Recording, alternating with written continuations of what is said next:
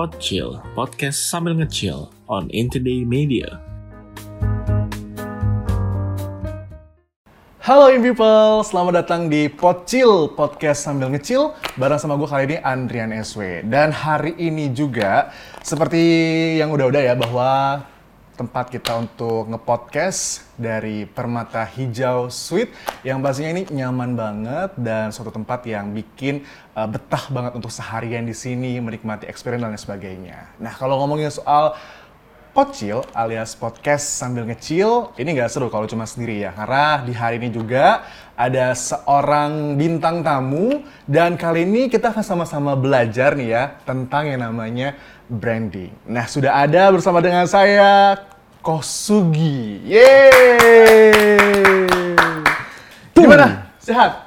Uh, sehat. Sehat dong. Dan for information juga, ini kita syuting di bulan April dan hari ini juga pas banget hari ulang tahun dari Kosugi. Wah benar. Iya. Jadi sepertinya dipasin ini ya. Tadi awalnya saya pilih hari itu saya nggak sadar saya hari itu ulang tahun. Oke. Terus habis lihat, ih hari ulang tahun nih.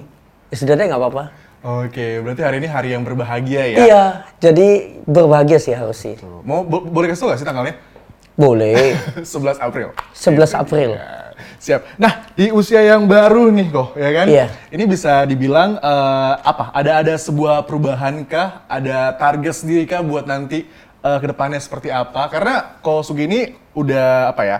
Udah terkenal di banyak orang-orang sosialitas sebagai seorang pakar digital branding. Oke. Tapi dikenalnya bukan sosialita aja sih. Kalau sosialita aja bahaya nih. M- Marketnya cewek doang dong. Berarti? eh, saya dikenal di banyak company perusahaan juga. Mungkin di Indonesia juga kalau di search di Google itu kalau diketik pakar branding apa keluar nama saya.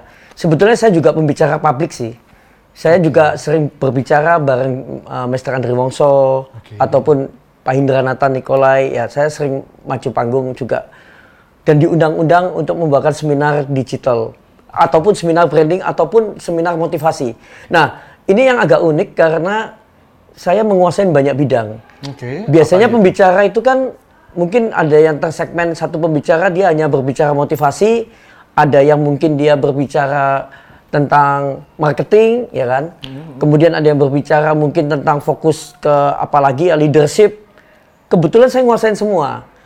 Semuanya itu boleh dikasih tau gak A sampai Z-nya apa aja gitu? Begini, eh, saya sebetulnya kan lulusan arsitek ya, Oke. tapi saya bergerak di bidang branding ini sudah hampir 20 eh, tahun ini 26 tahun. 26 tahun. Ya saya kan eh, sudah cukup lama bergerak di bidang ini dan kedua klien saya begitu banyak dan saya itu mengatasin masalah-masalah perusahaan dari misalnya eh, kenapa perusahaannya itu nggak laku atau perusahaan yang mau startup mau mau bangun?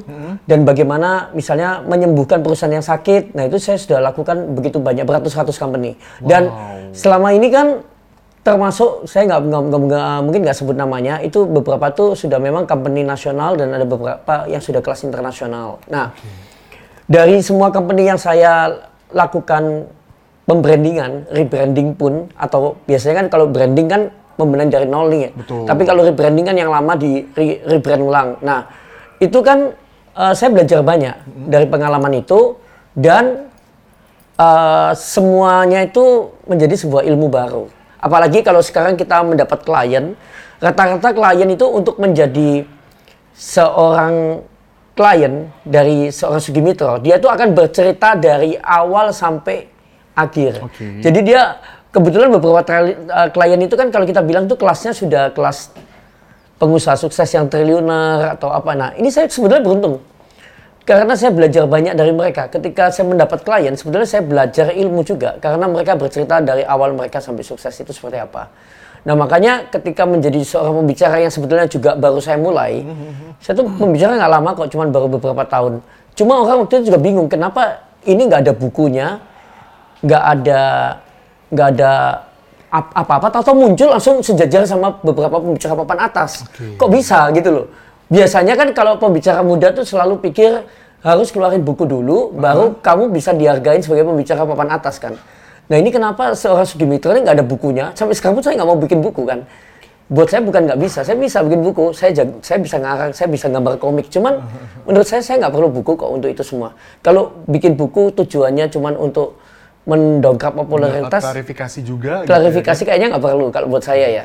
Makanya kan banyak pembicara muda mungkin sampai sekarang lima buku, enam buku, tujuh buku, tapi sampai sekarang pun mereka nggak bisa memposisikan diri di eh, pembicara yang mungkin eh, di level kalau orang bilang kan dihargai mahal gitu ya, atau punya ilmu yang unik.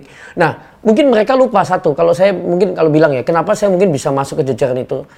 Kita harus kuatkan personal brand dulu.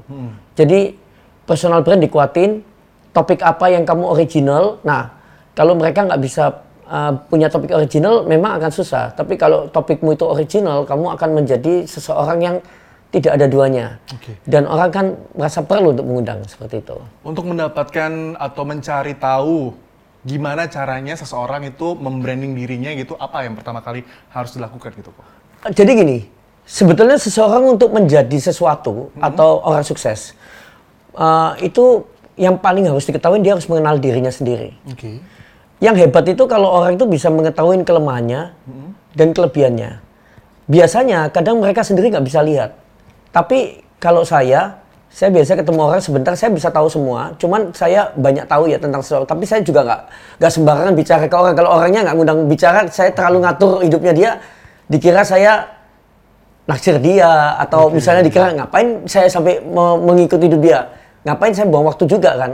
Jadi saya ya diem-diem aja. Cuman sebetulnya cara orang bisa sukses atau enggak membangun personal brand dia tuh harus mengenal dirinya dulu yang pertama. Nggak mungkin orang itu sempurna. Orang itu punya kelebihan masing-masing. Kalau dia bisa menemukan kelebihannya apa kelemahannya apa dia bisa mengatur hidupnya untuk ke mana. Dan plan-plannya yang tadi ditanya di awal di ulang tahun yang baru ini apakah ada plan atau apa? Saya sih tipenya orang yang nggak pernah puas ya. Jadi istilahnya gini saya akan memasang sebuah target. Oke. jadi seperti seorang pelari, kalau dia lari, saya tanya sama bro ya, bro, Oke. kamu tak suruh lari besok di depan itu, bro mau nggak? Hmm, di depan apartemen ini? tergantung dulu nih apa apa apa targetnya saya harus lari lari gitu ya Iya. kan? Dapatkan apa gitu kan? Nah kalau seperti itu sama, kalau hidup kita itu kalau kalau nggak jelas targetnya, kita nggak akan mau lari. Oke. Ngapain? Itu sama dengan ketika kita memulai hidup mau menjadi orang sukses atau membangun personal brand tadi. Kita tuh harus mulai memutuskan dulu target kita apa. Kita mau ke arah mana? Nah, tadi tuh, bro nggak akan mau lari. Tapi coba besok bro tak bilang, bro ini di depannya Permata Hijau Suite. Akan ada lomba lari maraton rame-rame. Semua dikasih seragam, semua dikasih garis finishnya di Monas. Oke. Yuk larinya sama-sama. Kira-kira bro lari nggak? Eh, ya ada kemungkinan. Lari kan? Lari, lari. Kemungkinan ada lari daripada yang tadi. Yes. Karena apa? Target jelas. Kalau Monas. Monas. Ah. Kalau nggak ada target, kita nggak tahu kita mau mencapai titik yang mana. Kesalahan banyak orang ketika dia di kehidupan dia nggak punya target hidup. Oke. Dia tidak punya titik yang mana yang harus dicapai. Dia tidak punya batas waktu yang harus ditentukan. Nah ini juga penting nih kadang-kadang orang punya target tapi eh, mereka nggak memberikan batas waktu sampai kapan Yes. gitu ya. Kayak tadi mau lari, ngapain buat saya? Oh saya nggak ikut atau tadi, oh saya mau ikut rame-rame. Terus gunanya buat saya apa? Dia nggak mikir apa. Akhirnya dia lama-lama nggak mau lari. Sampai tiga tahun lagi juga nggak lari. Nah, karena dia tidak tahu tujuannya untuk apa untuk hidupnya. Nah tadi kalau misalnya dia, oh iya, oke saya mau lari, mau ke Monas karena saya mau uh, bangun networking nih. Karena yang lari banyak pengusaha. Sekaligus saya mau bikin hidup saya sehat. Oke, saya bertekad meskipun capek, saya harus lari, saya harus ikut. Nah, itu dia sudah mulai merubah hidupnya. Nah, itu di dalam kehidupan kita sama. Kalau bangun personal brand nggak ada tujuan, ya nggak jadi apa-apa. Jadi kalau tanya usia saya, apakah saya selalu, saya akan selalu membangun target baru. Karena garis finish itu akan selalu harus saya capai, saya harus nggak boleh puas, saya harus bikin garis finish baru.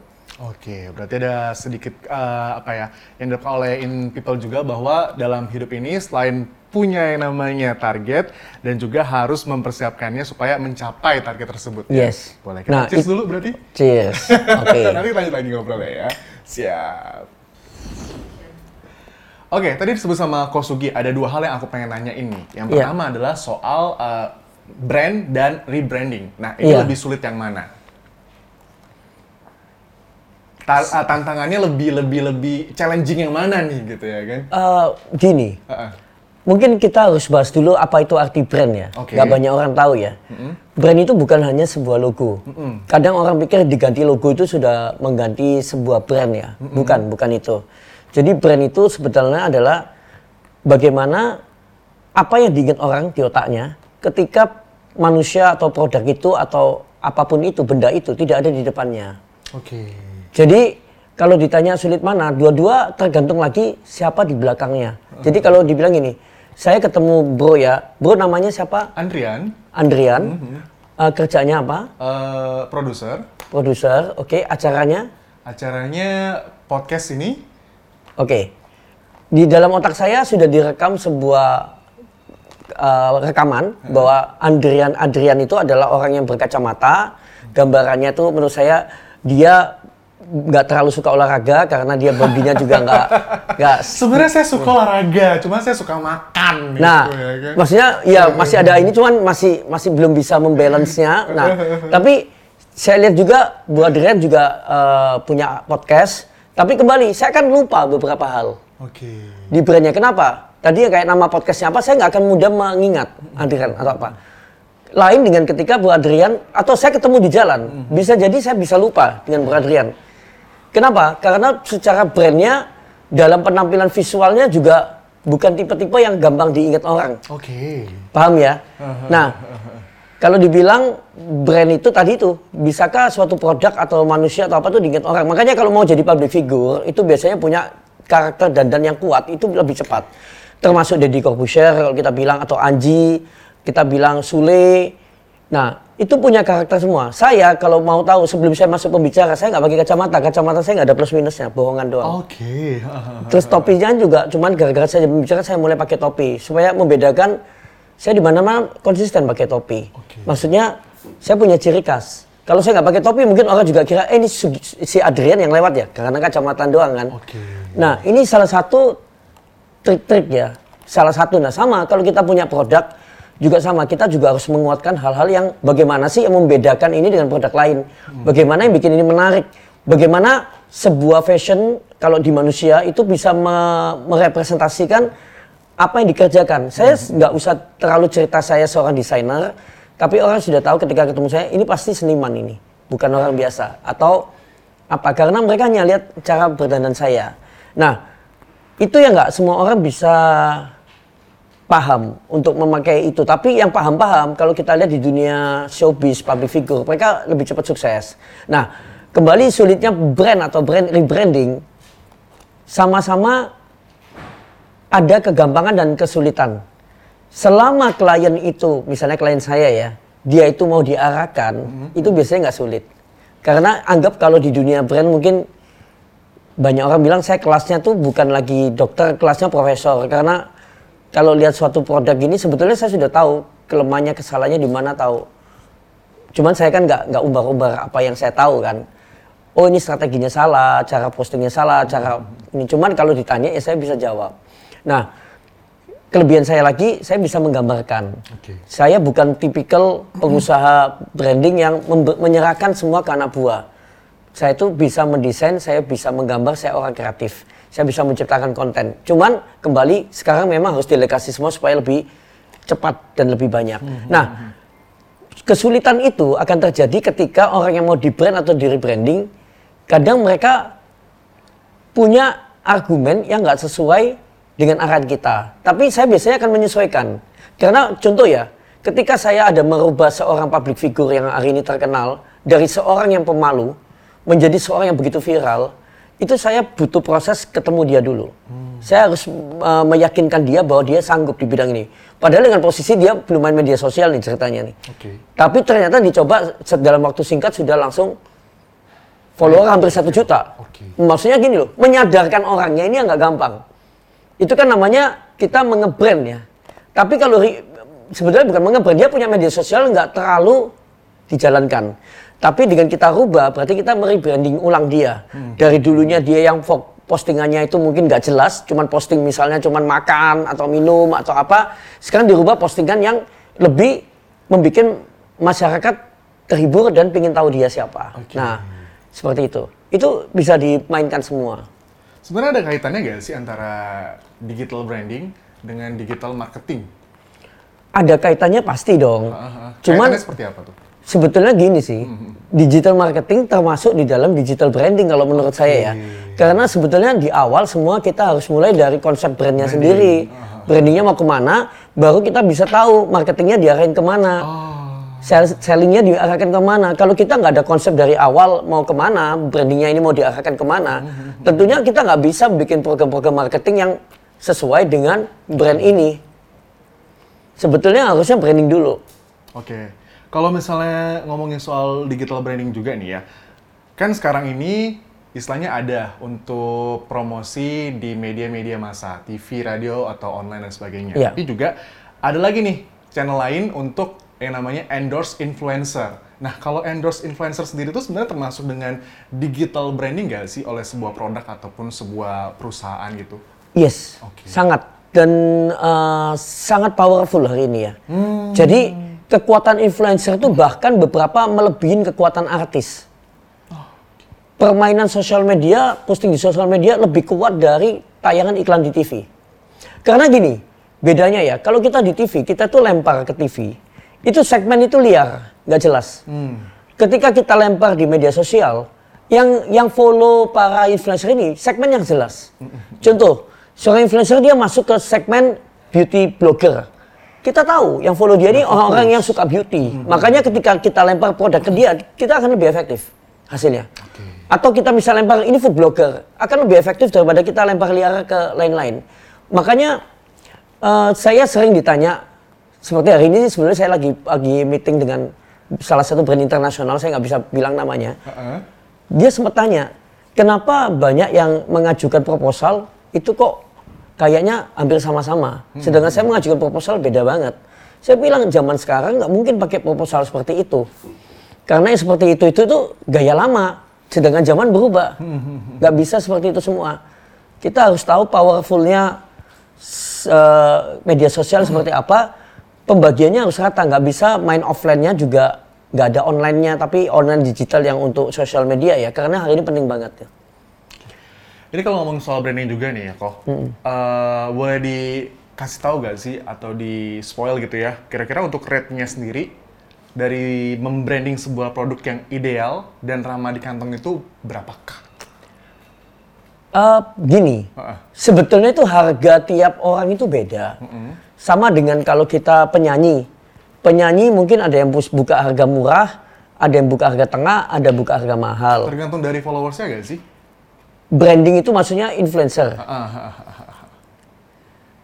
Tergantung. Tergantung. Tapi ada juga kok yang influencer yang baru-baru dia bisa berani pasang harga lebih mahal daripada Yang udah ada. artis yang uh, followernya juta-jutaan. Oke. Sebetulnya itu haknya mereka sih kalau mau membayar uh, mau pasang berapa ya. Karena uh, mereka akan melihat lagi dari ininya. Contoh gini ya, saya saya mau jelaskan satu di sini. Follower banyak tidak menjamin bahwa produkmu akan laku di influencer itu. Oke. Saya kasih contoh sedikit aja ya. Saya punya teman followernya cuma belasan ribu. Tapi jualan online-nya bisa beratus-ratus juta. Sedangkan ada follower yang di atas satu juta, jualan satu baju aja nggak laku.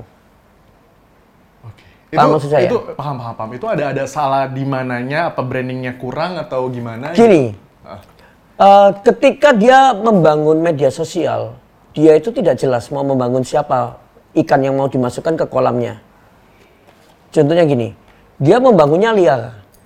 Kalau artis itu liar, kalau saya bilang ya, follower bisa puluhan juta apa itu berarti artis sejuta masa. Itu benar-benar liar. Karena kita nggak tahu itu segmennya apa. Karena semua orang juga akan follow, tapi belum tentu lihat. Dia cuma tahu ini artis kan dia akan follow, tapi bukan berarti dia adalah fans fanatik yang akan lihat tiap geraknya. Tapi kalau misalnya uh, influencer itu tersegmen, itu lebih jelas. Contoh gini, dia mau nge-push cuman baju yang branded yang papan atas misalnya. Dia pushnya itu terus. Followernya nggak banyak, misalnya cuma belasan ribu. Tapi jangan salah loh. Belasan ribu yang follow itu berarti penggemar baju papan atas itu. Dan itu punya daya beli yang lebih kuat daripada yang umum. Karena mereka menanti baju apa lagi yang akan dipublish. Nah kembali, ini kan strategi membangun konten dari influencer tadi. Yang nggak semua orang juga pandai memanfaatkan ini.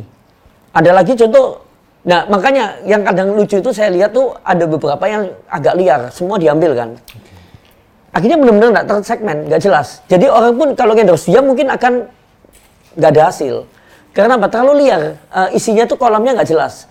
Mungkin yang view banyak, yang like banyak. Tapi jangan salah, ada satu lagi. Semakin produk di papan atas, semakin followermu itu papan, kalau kita bilang itu uh, gini ya, ada kecenderungan yang suka nge-like dan nge-view, itu orang yang lebih ramah, yang nggak sombong, dan kalangan yang lebih muda. Makanya kalau artis-artis muda itu like view-nya banyak. Hmm. Atau kalau kamu kalau kita bilang ini segmennya lebih ke middle, middle nih ya. Hmm. Middle itu lebih suka nge-like nge-view. Apa lebih suka nge-like lah. Coba kalau semakin high. Mereka tuh lihat tapi nggak mau nge-like. Ya cuma lihat aja gitu kan. Yes. Makanya jangan bilang like itu menentukan jumlah engagementmu atau enggak. Karena itu nggak nggak nggak menjamin. Karena semakin saya tahu semakin biasanya teman-teman yang sudah high itu malu mau nge-like aja malu. Kayak mereka ada gengsi. Ya itu kan beberapa orang ya. Cuman saya lihat banyak loh yang kayak gitu. Jadi itu kayak mereka tuh mereka mengintip tapi mereka nggak memfollow. Mereka suka tapi mereka tidak menge-like. Beda dengan orang-orang yang mungkin yang lebih nggak apa nyantai lah apa adanya dia mau nge-like. Kayak saya ini juga saya sembarangan saya lihat teman saya ada ngepost apa pun ya. Kalau saya lihat halaman apa pun saya berusaha nge-likein semua. Saya tipikal yang menghargain aja wah dia tak tambahin like. Saya nggak peduli. Saya nggak peduli orang baca Sugi Mitra kok nge-like di sini saya nggak peduli. Saya kadang komen-komen di mana juga sembarangan kok. Biarpun itu akun kecil kadang kan orang bilang gengsi ya tentang biru jangan komen di akun kecil. Saya nggak peduli saya komenin semua. Pokoknya muncul saya anggap lucu saya komen. Saya nggak peduli saya nggak mau lihat dia di follow berapa orang saya nggak peduli Okay. Nah itu kan tergantung orangnya lagi kan. Betul betul betul betul. Berarti itu yang bisa kita dapatkan nih people ya untuk ngomongin soal yang namanya uh, brand atau strategi nanti yang akan uh, apa namanya people lakukan. Boleh kita cheers dulu kali ya untuk cheers. Oke. Okay. Siap. Okay.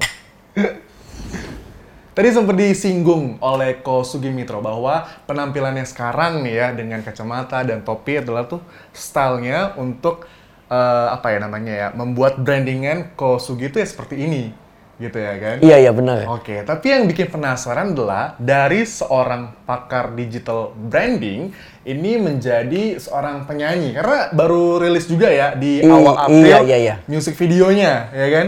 Iya, ya, syutingnya di Permata Hijau Suite juga gitu ya. Yes. Jadi itu ada ceritanya nih. Gimana tuh ceritanya? Ceritanya sedikit gini. Sebetulnya saya mulai pakai topi kacamata itu ketika mulai diundang jadi pembicara publik. Mm -hmm. Saya melihat sebuah kenapa pembicara kok kaku-kaku ya di panggung harus seperti itu saya mencoba menampilkan sosok pembicara yang agak beda. Berarti kalau jadi pembicara seperti ini, nggak pakai jas, ah, enggak, enggak. Saya kadang pakai celana sobek-sobek, kadang pakai uh, senak saya. Tapi bukan berarti tidak tidak enak dilihat. Dan mungkin kalau di panggung, kalau saya memainkannya sampai ke visualnya.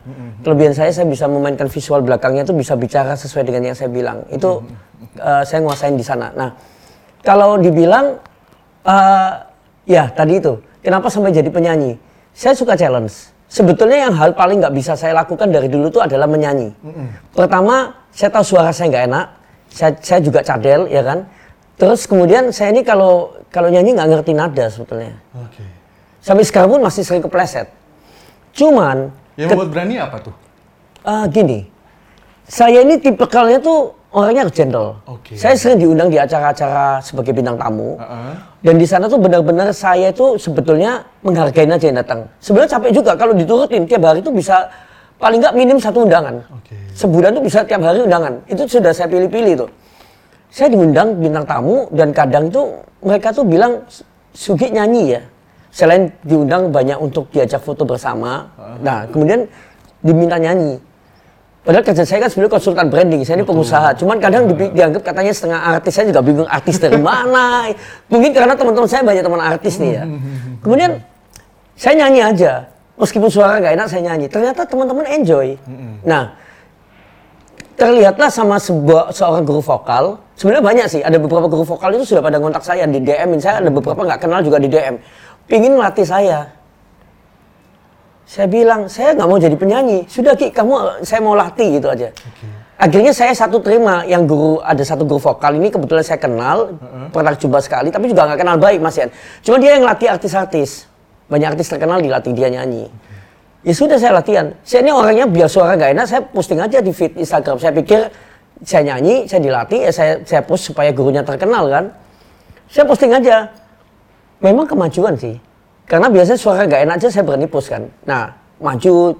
Saya saya cuma baru latihan tuh jujur ya sebelum single ini keluar baru lima kali pertemuan. Bayangin lima kali pertemuan itu belum siap sebenarnya jadi penyanyi. Gurunya aja kaget.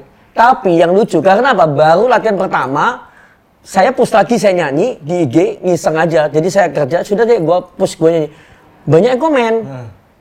Terus ternyata banyak kiriman lagu-lagu ke saya. Oke. Bro nyanyiin lagu saya ya, bro nyanyiin. Loh gila, gua bukan penyanyi. Lagi suara nggak enak. Enggak, enggak. Katanya punya karakter, suaranya tuh beda sama orang lain. Gitu ya. Gue sudah tolak-tolak. Sampai pada satu titik, saya tuh bingung ada lagu itu kok cocok dengan suasana, dengan apa, eh, benar-benar karakter saya. Kata-katanya tuh kayak hidup saya gitu loh. Saya suka lagu itu. Tapi ini pengarangnya yang ngarang lagu-lagunya Judika, lagunya Semi Simorangkir, yang ngarang lagunya Mahen, dia tuh pengantar kenal namanya Ilham. Ilham Idol. Nah, kemudian gue bilang, sorry ya, gue ini nggak mau jadi penyanyi. Bro, tapi suaramu ini cocok. Dia kalau saya bukan bro, Ko- Ko- Kosugi. Suara Kosugi cocok nyanyi ini, pasti katanya. Iya, gue suka lagunya, cuman gue nggak ada rencana mau jadi penyanyi sama sekali. Saya sudah bilang gitu. Tahu-tahu, saya ini kan orangnya juga nggak tegaan. Tiga minggu kemudian dia tuh lagi butuh duit tambahan untuk pindah rumah karena duitnya belum dibayar label ceritanya gitu. Gue boleh bantu nggak dibeli laguku? Kalau yang lain kan padahal mau ngasih free nih ya, Ah. tapi gue nggak ada yang suka lagunya. Oke, heeh. Aku ya nggak tega aja gue lihat. Ya sudah lu mau mau, mau jual di mana? Aku aku nggak pernah beli beli lagu. Ini berarti lagu yang yang Iya yang gue nyanyiin. oke yang Terus saya bilang gini, buatmu menangis ya. tuh tak akan buatmu nangis. Gue tanya eh, dibelinya berapa, aturannya kayak apa? Gue kan nggak tahu aturan-aturan sebuah lagu kan. Ternyata ada aturannya. Kalau dibeli sementara itu tiga tahun. Kalau dibeli putus beda lagi. Oke. Beli putus biasanya nama pengarang nggak muncul. Oh. Tapi gue nggak peduli, gue munculin juga nggak peduli. Gue bukan label, bukan apa kan. Gue bilang gini, ya sudah deh. Gue nggak mau di, gue beli ya beli putus aja sekalian. Aku pikir gitu kan. Lagu itu tak diemin bro. Saya nggak ada rencana mau nyanyiin. Berapa lama di demin ya? Tiga mingguan. Terus tahu-tahu saya itu kan lagi mau terbang nih, dipanggil apa pembicara di sama ibu gubernur Medan nih untuk eh, digital branding untuk UMKM Medan kan Sumatera Sumut waktu itu. Di pesawat itu saya ngajak asisten pribadi saya waktu itu. Saya dengerin lagunya, terus tahu saya kepikir gila lagu ini kok sayang juga ya nggak dijadiin sesuatu. Sudah deh, gua mau iseng-iseng bikin video klip deh, sama gua nyanyiin beneran. Saya cuma bilang sama asisten saya, saya masih ingat. Eh, namanya Angel ya waktu itu saya. Angel, ini aku mau nyanyi deh, menurutmu gimana? Ya nggak apa-apa aku kalau pokoknya. Ya, ya sudah deh, aku pulang nanti mau ngatur ya. Saya waktu itu hari Natal, saya itu sudah ke rumah Selin. Selin Evangelista, Selin tak tanya, Selin lu mau nggak main film? Mau kok. Yang for information sel itu yang pemain Bukan. bukan yang mana? Selin Evangelista tuh bintang film Selin Evangelista, ah, Oh, bintang oke. film TV. Oke. Dia sudah oke. Sebetulnya ya, sebetulnya pemain utamanya awalnya Selin, tapi bentuknya jadwal. Selin oke, saya kontak Vicky kan, Vicky Prasetyo. Vicky itu sebenarnya yang memainkan untuk peran yang bukan Ridho Ilahi itu sebenarnya Vicky awalnya. Vicky siap siap, wah. Gue telepon teman-teman gue sudah sudah pada siap semua, antusias semua kan. Terus kan sudah deket-deket, nah namanya artis terkenal semua, jadwal ini kan susah banget. Terus ke waktu itu musimnya Omikron loh. Oke.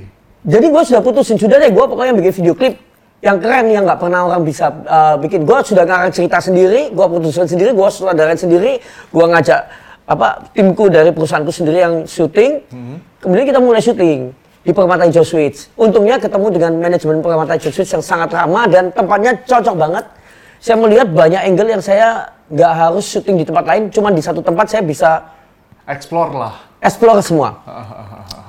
Dan timnya saya yakin saya akan menghemat waktu cukup banyak karena saya melibatkan sekitar 50 pemain kan. Nggak mungkin kalau saya syuting lama-lama. Syuting kan cuma target dua hari doang. Jadi hari pertama gue eksekusi yang adegan berkelahi sama sebetulnya main violin sama saya nyanyi. Oke. Karena pemain violinnya si Kesha itu memang saya minta tolong dia memproduserin musik saya. Oke. Dia juga nggak pernah produser musik, tapi gue percaya dia pasti bisa. Yang choreo factingnya saya minta tolong Ahong. Yang Raja MMA itu, yang Raja KO-nya. Gue minta, gue untuk syuting itu selama sebulan saya diet ketat. Saya cuma makan buah sama dada ayam sehari sekali. Saya pagi latihan tinju, malam saya latihan jujitsu, Oke. latihan dibanting. Sebulan waktu habis itu kan syuting kan. Lucunya nih, waktu syuting habis syuting karena kecapean langsung kena Omikron. yang pertama. Akhirnya syuting keduanya yang dengan artis itu ketunda sampai satu setengah bulan. Karena saya juga mau ngumpulin jadwal lagi satu setengah bulan kemudian kita baru syuting yang adegan yang artis-artis utama. Tapi karena sudah jadwalnya bentrok semua akhirnya kita justru nggak pakai uh, tadi ada, beberapa diubah harus gitu ya. diubah. Ah, dan diubah pun ya is oke lah masih oke memang nggak ada bintang ya itu sempat sempat awalnya tuh abis Selin maunya Gisel Gisel udah oke juga. Terus sempat ganti Sarwenda tapi karena berjalannya waktu bentrok-bentrok-bentrok gini akhirnya ya sudah deh sudah mepet sekali tetap kita jalankan saya sudah nggak peduli lagi artisnya harus ada artis besar atau apa pokoknya saya ramein Jadi aja lah gitu ya kan. Hmm? pokoknya lah jadi gitu kan. nah memang uh, mungkin sekarang ini belum banyak yang nonton itu juga aku nggak ada masalah karena saya Tunggu, tunggu, tunggu, tunggu. Belum banyak yang nonton. Tapi kalau misalnya yang people cek langsung music videonya, itu udah Iya. banyak yang nonton. Kalau menurut saya nggak sesuai target mas, tapi Oke. masih jauh. Tapi saya akan melakukan strategi lain lagi. Jadi kalau yang nonton, tapi ini wajar ya. Kalau sebuah music video di launching sebuah label, kan yang followernya sudah jutaan, pastinya nonton langsung banyak. Ini di launching di YouTube saya yang nggak aktif, followernya cuma 8 ribu, Dan bukan seorang penyanyi. dan bukan juga. seorang penyanyi saya nyanyi, itu yang nonton baru 4 ribuan. Oke. Masih kecil, tapi saya nggak bingung. Saya akan gebrak lagi bulan ini. Saya kemarin sudah kontak beberapa karaoke family yang besar di Indonesia seperti NAV dan Happy Papi. Saya mereka akan tayang serentak di seluruh karaoke-nya. Kan kebetulan saya kenal owner-ownernya. Nah kemudian saya akan ada gebrakan nanti beberapa penyanyi dan ini akan menyanyikan lagu saya versi mereka. Nah saya, saya justru akan menunjukkan orang. Sebetulnya kalau dilihat di video klip itu saya juga menunjukkan sebuah inspirasi. Target saya saya bukan mau jadi penyanyi, saya sudah bilang, saya bukan mau manggung, bukan mau cari duit di sini. Saya mau menunjukkan ke orang, kamu kalau mau melakukan sebuah konten atau sebuah karya, nggak perlu nunggu sempurna. Suara saya masih pas-pasan pun, saya berani menampilkan. Nggak usah malu. Kalau kamu nggak ada proses ini, kamu nggak ada proses selanjutnya. Oke. Ini biar nggak penasaran, eh, mungkin bisa ditampilin kali ya music videonya sekilas gitu ya kan untuk People juga bisa langsung lihat gimana eh, untuk music video dari Kutakan buatmu menangis. Iya. Boleh ya? Dilihat dulu ya, dilihat dulu ya, dilihat dulu ya. Hanya aku yang masih terus bertahan saat lain sudah mengangkat tangan. Ini bukti aku setia bukan hanya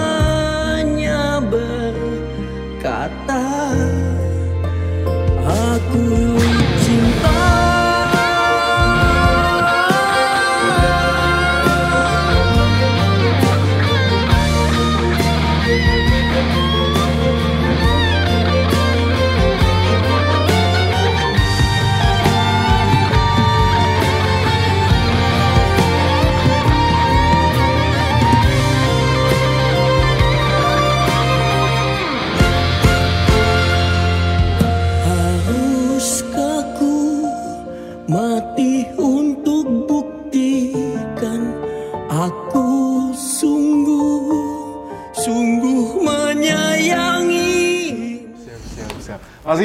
afdol nih ya kalau misalnya nggak kita todong langsung kan.